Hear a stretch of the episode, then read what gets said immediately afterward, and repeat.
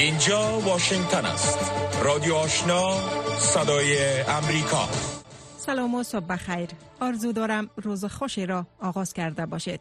فوزی احسان هستم. با همکارانم برنامه امروز سهشنبه 26 ماه جدی را پیشکش می‌کنیم.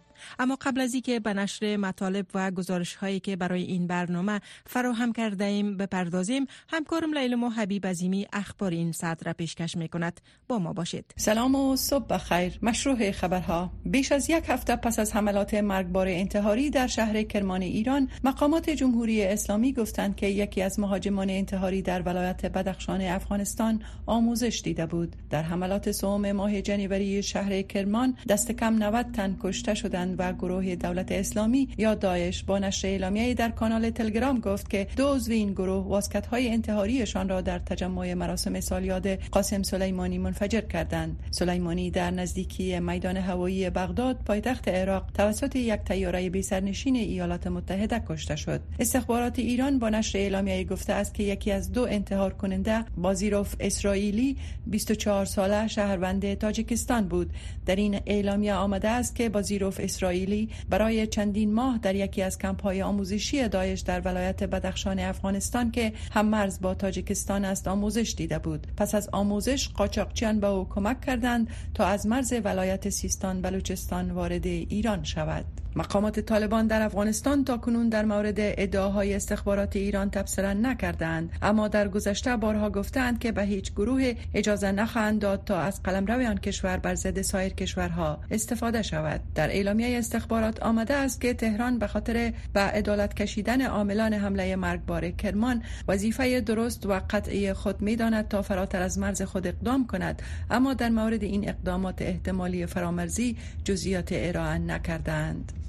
صندوق وجهی سازمان ملل متحد برای کودکان یا یونسف می گوید که زلزله های پی هم در هرات ده هزار کودک را به شدت متاثر ساخته و اگر حمایت ها صورت نگیرد و خدمات مناسب ارائه نشود زمستان سخت زندگی آنها را تهدید می کند فران اکیزا نماینده یونسف در افغانستان گفت یونسف نگران زنده ماندن 96 هزار کودک آسیب دیده از زلزله است. اگر ما نتوانیم خدمات مورد نیاز آنها را ارائه کنیم ما روی حمایت مستمر حساب می کنیم تا اطمینان حاصل کنیم. که کودکان نه تنها در زمستان زنده میمانند بلکه در ماها و سالهای آینده فرصت برای شگوفایی خواهند داشت. یونسف خواستار حمایت بیشتر برای رسیدگی به وضعیت این کودکان شده گفته است که بیش از یک هزار نفر که بیشتر آنها زن و کودک بودند در زلزله های اکتبر گذشته در هرات جان باختند و علاوه بر این 21 هزار خانه ویران شده و خانواده های بیشمار معیشت مواشی و محصولات زراعتیشان را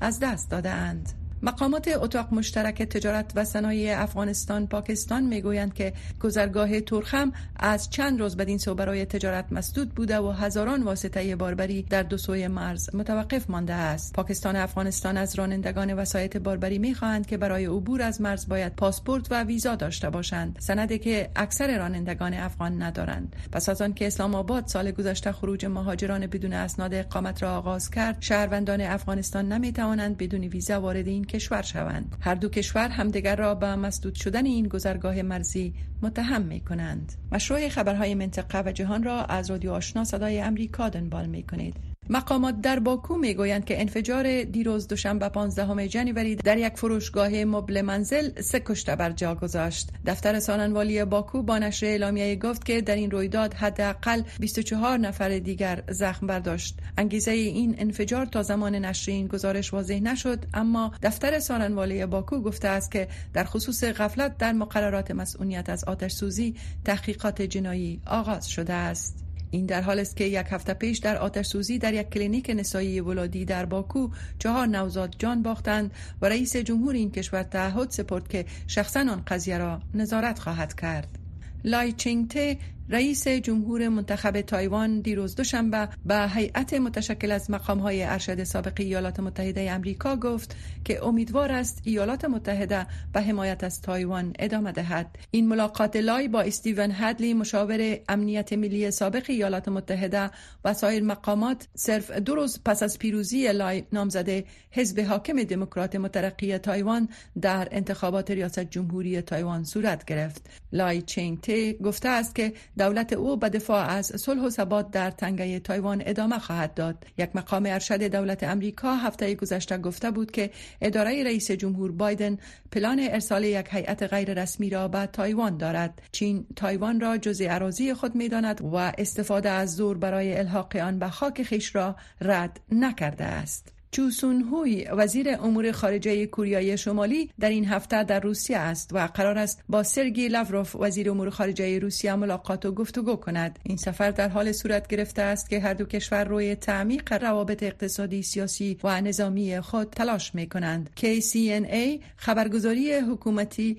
دیروز دوشنبه گزارش داد که سون هوی روز یکشنبه وارد مسکو شده و با مقام های وزارت خارجه روسیه و سفارت کوریای شمالی در مسکو ملاقات کرد. تحلیلگران بر این نظرند که با افزایش انزوای بین المللی روسیه و دلیل جنگ در اوکراین روسیه بر روابط خود با کوریای شمالی ارزش قائل است. اداره مواد غذایی و زراعت سازمان ملل متحد می‌گوید که حدود 18 میلیون نفر یعنی دو بر پنجم نفوس سودان به کمک های فوری مواد غذایی نیازمندند. طبق معلومات این اداره تداوم درگیری ها برای بیش از ده ماه باعث وخامت اوضاع بشری در سودان شده است. از زمان آغاز درگیری های مسلحانه در ده ایالت از 18 ایالت آن کشور بیش از 12 هزار تن کشته شده و بیش از 7.6 میلیون تن آواره و بیجا شدهاند. اردوی ایالات متحده 14 جنوری گفت که نیروهای آن کشور یک میزایل کروز را که از مناطق تحت کنترل شورشیان حوثی یمن به سمت کشتی جنگی امریکا پرتاب شده بود سرنگون کردند. سنت کام فرماندهی مرکزی ایالات متحده امریکا با نشر اعلامیه گفته است که یک میزایل کروز حوالی ساعت 4 و 45 پس از چاشت یکشنبه به وقت محل از مناطق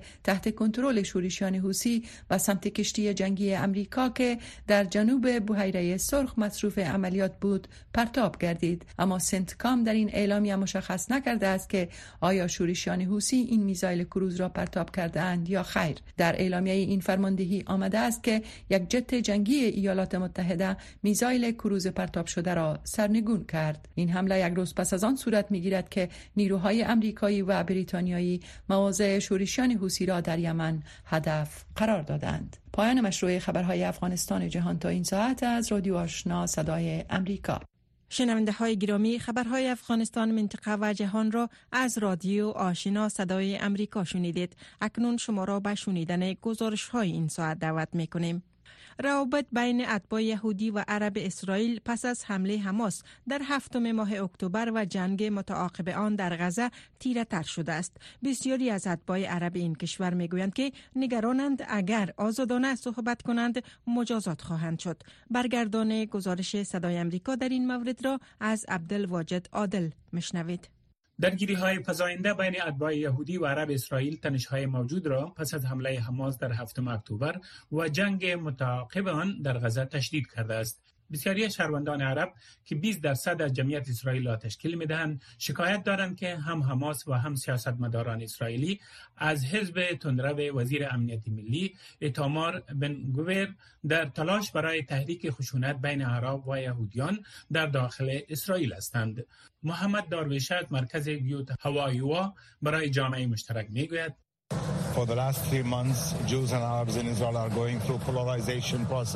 در چند ماه گذشته یهودیان و عرب به دلیل جنگ روند قطبی شدن را پیش سر میگذرانند. ما می‌بینیم که حماس تلاش می‌کند عرب ها را به انجام فعالیت های خشونت آمیز تشویق کند و همچنین می‌بینیم که وزیران مانند وزیر اتمار بنکویر تلاش می کند ما را به نوع رویارویی بکشانند. در جریان آخرین درگیری بین اسرائیل و حماس در ماه می 2021 شورش های در مناطق مختلف عرب یهودی در اسرائیل رخ داد. تا کنون تشنج این بار به آن حد نرسیده است. اما داروشه نگران است که اتباع عرب که بسیاری از آنها خویشاوندانشان را در غزه دارند در صورت ابراز همدردی با رنج فلسطینیان در غزه و کرانه غربی مجازات شوند و مورد تبعیض قرار گیرند. عدالت مرکز حقوقی حقوق اقلیت های عرب در اسرائیل در حال حاضر با 120 دوسیه از 33 مؤسسه تحصیلات عالی اسرائیل مبارزه می کند که طی آن اقدامات انضباطی علیه محصلین عرب به دلیل پست های آنها در رسانه های اجتماعی آغاز شده است. منصور عباس عضو کنست عرب اسرائیل می‌گوید که اعراب وظیفه اخلاقی دارند که با قربانیان هفتم اکتبر و همچنان با قربانیان غیر نظامی ساکن در جنگ غزه ابراز همدردی کنند. ما نمی‌توانیم درد و ناراحتی و ترس مردم را نادیده بگیریم. عباس در کنفرانس اخیر تلویب به نام جامعه مشترک در مواقع اضطراری روی استیج به بنی گانس وزیر کابینه جنگ پیوست. این دو شرکای اطلافی در دولت میانرو قبلی اسرائیل بودند. نظرسنجی ها نشان می دهد که گانس به عنوان صدر بعدی اسرائیل مطلوب است. این همبستگی وجود دارد و خود را در زمان مشکل نشان داد. وظیفه ما این است که آن را توسعه دهیم و اجازه ندهیم افرادگرایان به آن آسیب بزنند. اما اعراب اسرائیلی می‌گویند که نگرانند که تنشها با اکثریت یهودی و افزایش تبعیض علیه اقلیت عرب ممکن است پس از پایان جنگ با حماس همچنان طولانی شود. رادیو آشنا صدای امریکا. پنج تا هفت صبح و هفت شام تا ده شب. تازه ترین خبرها و گزارش ها رای دهندگان جمهوری خواه در ایالت آیوا امروز گرد هم می آیند تا نمایندگانی را انتخاب کنند که قصد دارند به کنوانسیون ملی حزب خود قبل از انتخابات ریاست جمهوری بفرستند. اما امسال به دلیل وضعیت آب و هوا ممکن است برنامه ها به گونه دیگری راه اندازی گردد. گزارش آرش عرب اسدی خبرنگار صدای امریکا را از نجیبه خلیل مشنوید. برفباری شدید یخبستن طولانی مدت همراه با بادهای شدید می تواند بر میزان مشارکت رای دهندگان برای اولین گرد همایی حزب جمهوری خواه در ایالت آیوا تاثیر بگذارد. جایی که رای دهندگان تعیین می کنند که کدام نامزدها ممکن است قدرت سیاسی کسب کنند و نامزدی حزب خود را برای ریاست جمهوری ایالات متحده به دست آورند. مسیر مقدماتی رفتن به ریاست جمهوری از سال 1972 بدین سو از طریق آیوا می گذرد. اما با توجه به پیش بینی هوای منفی 43 درجه سانتیگراد شرایط ممکن است برای رای دهندگان خطرناک باشد وضعیت آب و هوا باعث شده است که خواستها برای تغییر زمان جلسه ای را که برای روز دوشنبه پلان شده تغییر دهد تم هیگل از دانشگاه آیوا می رفت آمد خیلی مشکل خواهد بود. بنان بهتر است این رویداد را لغو کرد. نه به دلیل اینکه نامزد نمی‌تواند به آنجا برسد بلکه به این دلیل که نمی‌خواهید افراد زیاد را در معرض خطرهای رانندگی در شرایط قرار دهید که برفباری است و سرک ها برای رانندگی مسئول نیست. در این حال بر اساس گزارش شبکه ABC نیوز ستاد انتخاباتی دانالد ترامپ رئیس جمهور پیشین همه گرد همایی های حضوری به جز یک گرد همایی را لغو کرد و در عوض کمپاین های تلویزیونی را آغاز کرد. به اساس گزارش آقای ترامپ نسبت به سایر کاندیدان جمهوری خواه 48 درصد پیشی دارد. روز دوشنبه با مناسبت تولد مارتین لوتر کینگ رهبر حقوق مدنی امریکا که در جریان مبارزاتش کشته شد رخصتی است. به همین دلیل برخی از ساکنان آیوا می‌گویند که از انجام یک کار خوشحال هستند چی سیاست باشد یا هم غیر سیاست. گراند رامپیون باشنده دموین می‌گوید و خصوص در زمستان کار زیاده برای انجام دادن وجود ندارد اما می توانید برای خود سرگرمی پیدا کنید. مانند اسکی روی برف با دوستان خود یا هر چیز دیگری. بنابراین زمان بسیار خوب است. مسئول حزب جمهوری خواه در ایالت آیوا به روزنامه دیلی میل گفت که تنها در صورت یک فاجعه بزرگ ملی جلسات حزبی در آیوا به روز دوشنبه برنامه ریزی مجدد خواهد شد و گفت که جلسات طبق پلان برگزار خواهد شد. رادیو آشنا صدای امریکا پنج تا هفت صبح و هفت شام تا ده شب. تازه ترین خبرها و گزارش ها با گذشت یکصد روز از آغاز جنگ کنونی میان اسرائیل و گروه حماس حملات نظامیان اسرائیلی در باریکه غزه امروز نیز ادامه داشت. مقام های صحی در غزه گفتند که در جریان حملات اخیر بیش از ده نفر در شهر غزه کشته شدند. این حملات در حال ادامه دارد که قصر سفید خواستار کاهش شدت این حملات شده است. شرح بیشتر در این مورد را همکارم سعید عزیزالرحمن به توجه می رساند. از حملات هفتم اکتبر از سوی گروه حماس بر اسرائیل یکصد روز گذشت. در حملات حماس که اسرائیل و ایالات متحده آن را تروریستی می خوانند حدود 1200 نفر کشته و حدود 240 نفر دیگر توسط حماس گروگان گرفته شد. در جریان صد روز گذشته حداقل 105 تن این گروگانان آزاد شده است. ولی بسیاری آنان هنوز هم در اسارت قرار دارند. جیمی میلر از نزدیکان یکی از خانواده ای است که گروگان گرفته شده. گروگانان بدون غذا بدون برق بدون آب و بدون شرایط انسانی در بندند. بر اساس معلومات مقام های صحی غزه عملیات هوایی و زمینی اسرائیل در این باریکه که اسرائیل هدف آن را از بین بردن کامل حماس می‌خواند تا کنون منجر به کشته شدن حدود 24 هزار نفر در غزه شده است.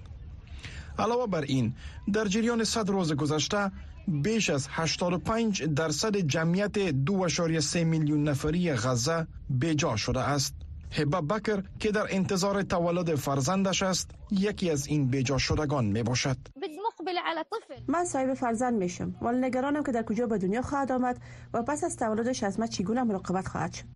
در آغاز این هفته هزاران نفر از روم تا لندن و تا واشنگتن خواستار پایان جنگ شدند. ولی بنیامین نتانیاهو صدر اسرائیل با فشار آمد تسلیم نمی شود در حال حاضر مهمترین چیز تمویل مصارف جنگ است تا بتوانیم این جنگ را در جریان سال روان 2024 ادامه داده و به پایان برسانیم. بر شمول از بین بردن حماس و شمول بازگشت گروگانان ما. ایالات متحده حماس را به عنوان یک گروه تروریستی می‌شناسد.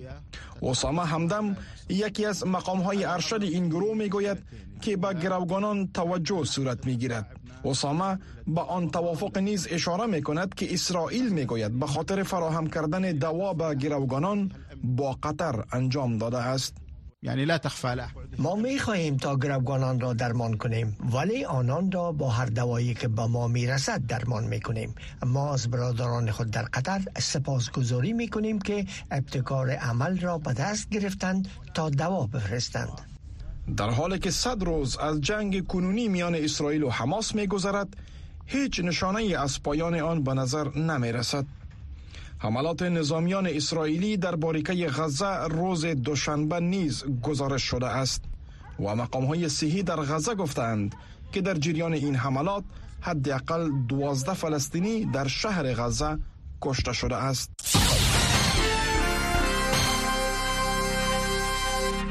سرمقاله ای را که می شنوید دیدگاه های حکومت ایالات متحده را منعکس می کند. وزارت خارجه ایالات متحده بارها اعلام کرده است که ژورنالیسم جرم نیست اما توقیف ژورنالیستان که در هفته های اخیر در آذربایجان دستگیر شده اند نشان می دهد که مقامات آذربایجان با این مفکوره موافق نیستند. مقامات آذربایجانی از آغاز ماه نوامبر با دستگیری رهبری ابزاس میدیا یک رسانه مستقل مبارزه بر ضد فساد اداری سرکوبی صداهای منتقد حکومت را شدت بخشید.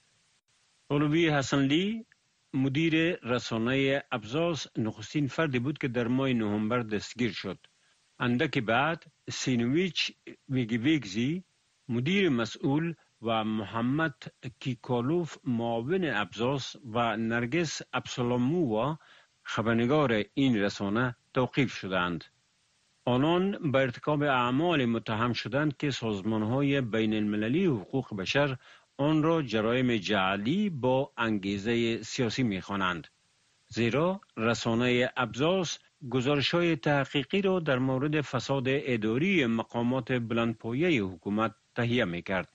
همه آنان در بازداشت طولانی مدت پیش از محکمه به سر می‌برند عزیز اوروجو بنیانگذار شبکه تلویزیونی آنلاین 13 و رفعت مرادلی نطاق این شبکه نیز اخیرا دستگیر شدند.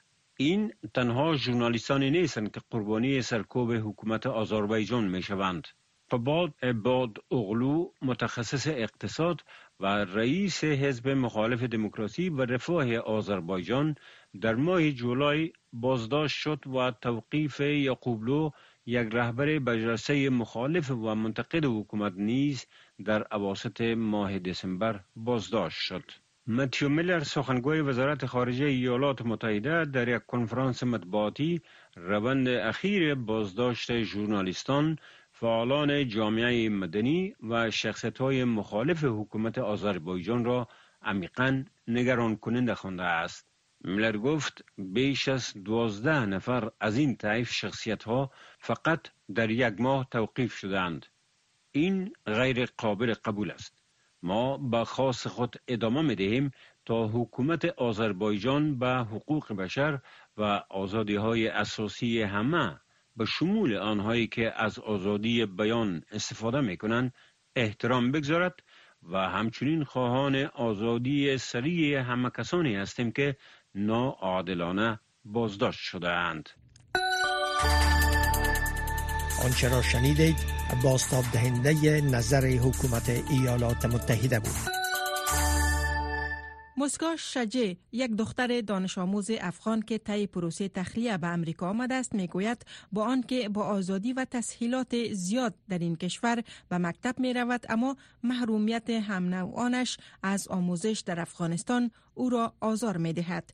فهیم صدیقی با این دانش آموز دیدار کرده و گزارش تهیه کرده است که با هم مشنویم. مسکا شجه یک سال می شود با خانوادهش به امریکا مهاجرت کرده است. او که همکنون دانش آموز سنف هفتم مکتب در کالیفرنیا است. اگر در افغانستان می بود آغازین سال محرومیت خود از آموزش و مکتب را تجربه می کرد. مسکا می گوید خانوادهش با تقبل تمام رنج ها و خطرات تلاش کرد با مهاجرت به یک کشور آزاد زمینه ادامه آموزش او را فراهم کند. سنف هفت استم اگر فعلا در افغانستان می بودم چانسزی برم داده نمی‌شد که در مکتب درس بخوانم و اجازه زیر نداشتیم که مکتب بریم. و متاسفانه ای سر همه سنفی های ما و هم دوره های ما که مده سنف سی و چار کتشان درس خواندیم و مترستن فعلا نمی‌تونند که مکتب برن و چانس زیر ندارن که بتونن برن یک کشور دیگه و روی خود دنبال کنن. مسکا از چالش های مهاجرت و آغاز یک زندگی مجدد در یک کشور بیگانه شکایت کرده می گوید با آنکه مشکلات زیاد را در روزهای ابتدایی مکتب رفتنش در امریکا تجربه کرده است اما توانسته در کمتر از یک سال یکی از ممتازترین دانش آموزان سنفش باشد. یکی از بهترین مزایای شمیز که فعلا مسکا در پالی ما می‌تونه که به مکتب رفتن خود ادامه بده و ما در عرصه بسیار خود خوشبخت احساس می‌کنم و همچنان بسیار متاثر هستم به خاطر دخترای افغانستان که نمی‌تونن تحصیلات خود ادامه بدن که تمامش سنفی های ما قوم و خیش اقارب هستند پدر مسکو که زمان در افغانستان خبرنگار بود و مادرش آموزگار به خاطر اینکه کودکانشان از آموزش محروم نشوند راه مهاجرت را در پیش گرفتند. و اینکه اکنون دخترشان می توانند به مکتب بروند خوشحالند.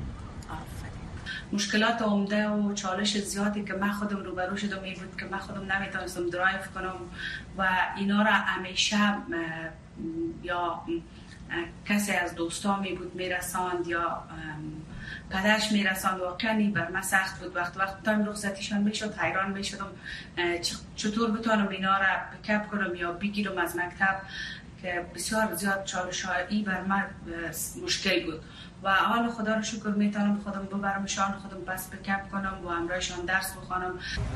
به دنبال آغاز مجدد حکومت طالبان بر افغانستان بیش از 100 هزار افغان به ایالات متحده امریکا مهاجرت کردند. در کنار شماری از مشکلات دیگر برای این خانواده های مهاجر به گفته برخی مهاجران افغان آشنا نبودن کودکانشان به زبان انگلیسی و تکنولوژی در روزهای ابتدایی مکتب چالش زا بوده است. اما بیشتر کودکان افغان توانستند به زودی راهشان را در میان همسنفی های امریکاییشان باز کنند. رادیو آشنا صدای امریکا پنج تا هفت صبح و هفت شام تا ده شب.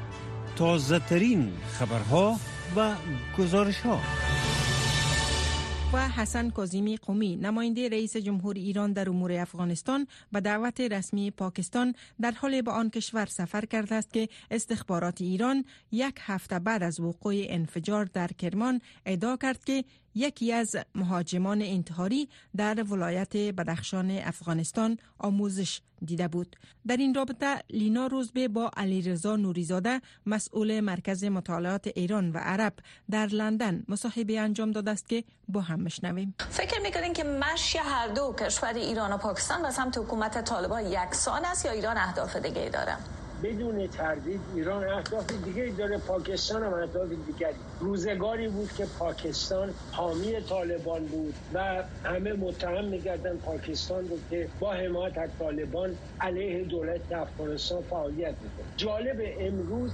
جمهوری اسلامی دایه طالبان شده و امتیازهای زیادی به طالبان داده. عقب نشینی های زیادی درباره طالبان کرد این آقای حسن کاظمی قومی در دورانی که در عراق بود آثار حضورش در عراق جز مصیبت برای مردم عراق نبود. یک امنیتی مطلق از سپاه قدس سردار سپاه قدس حالا مأمور افغانستان شده. عجیبه با طالبان خیلی جور شده.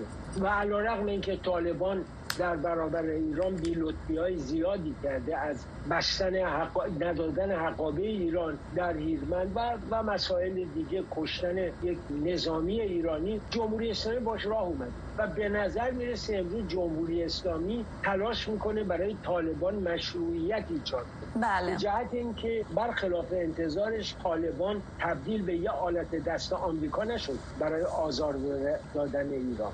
بله. خب ایران زمان پاکستان در کفش ایران و یا بوت ایران بود. یعنی حامی حکومت طالبان بود تا که گروه تحریک طالبان پاکستان عملات خود را در پاکستان بله. بیشتر کردن و حال میگن که در کرمان یکی از ماجرمین در بدخشان افغانستان آموزش فکر میگن که صبر ایران هم با طالبان لبریز شود در این مورد طوری که از پاکستان شد یا خیر؟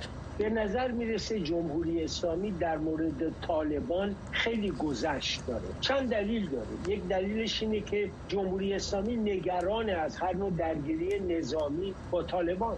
برای اینکه نوع عمل کرده اونا رو دیده. واقعا میترسه. علا رقم قدرت ایران رژیم ایران از طالبان میترسه و مسئله دوم اینه که ترجیح میدن طالبان زیر بال خودشون باشه. به هر حال اونجا هم امارت اسلامیه اینا هم جمهوری اسلامی علا رقم اینکه اکثریت طالبان سنی هستن اینا شیعن ولی یه جونی با هم کنار میان. هر دو ضد آمریکایی شدن هر دو ضد غربن و بنابراین نوعی همدلی با هم پیدا کردن. در حالی که پاکستان به خاطر همون جماعت تحریک نگران نگران فردای خودشه که این بساتی که در افغانستان است در پاکستان هم برقرار بشه اینه که اونا بیشتر الان به غرب نزدیک شدن. پاکستان نوع نگرش غربی ها رو در رابطه با طالبان اتخاذ کرده. نه باهاشون قطع رابطه می‌کنه نه در آغوششون می‌گیره. در واقع بله.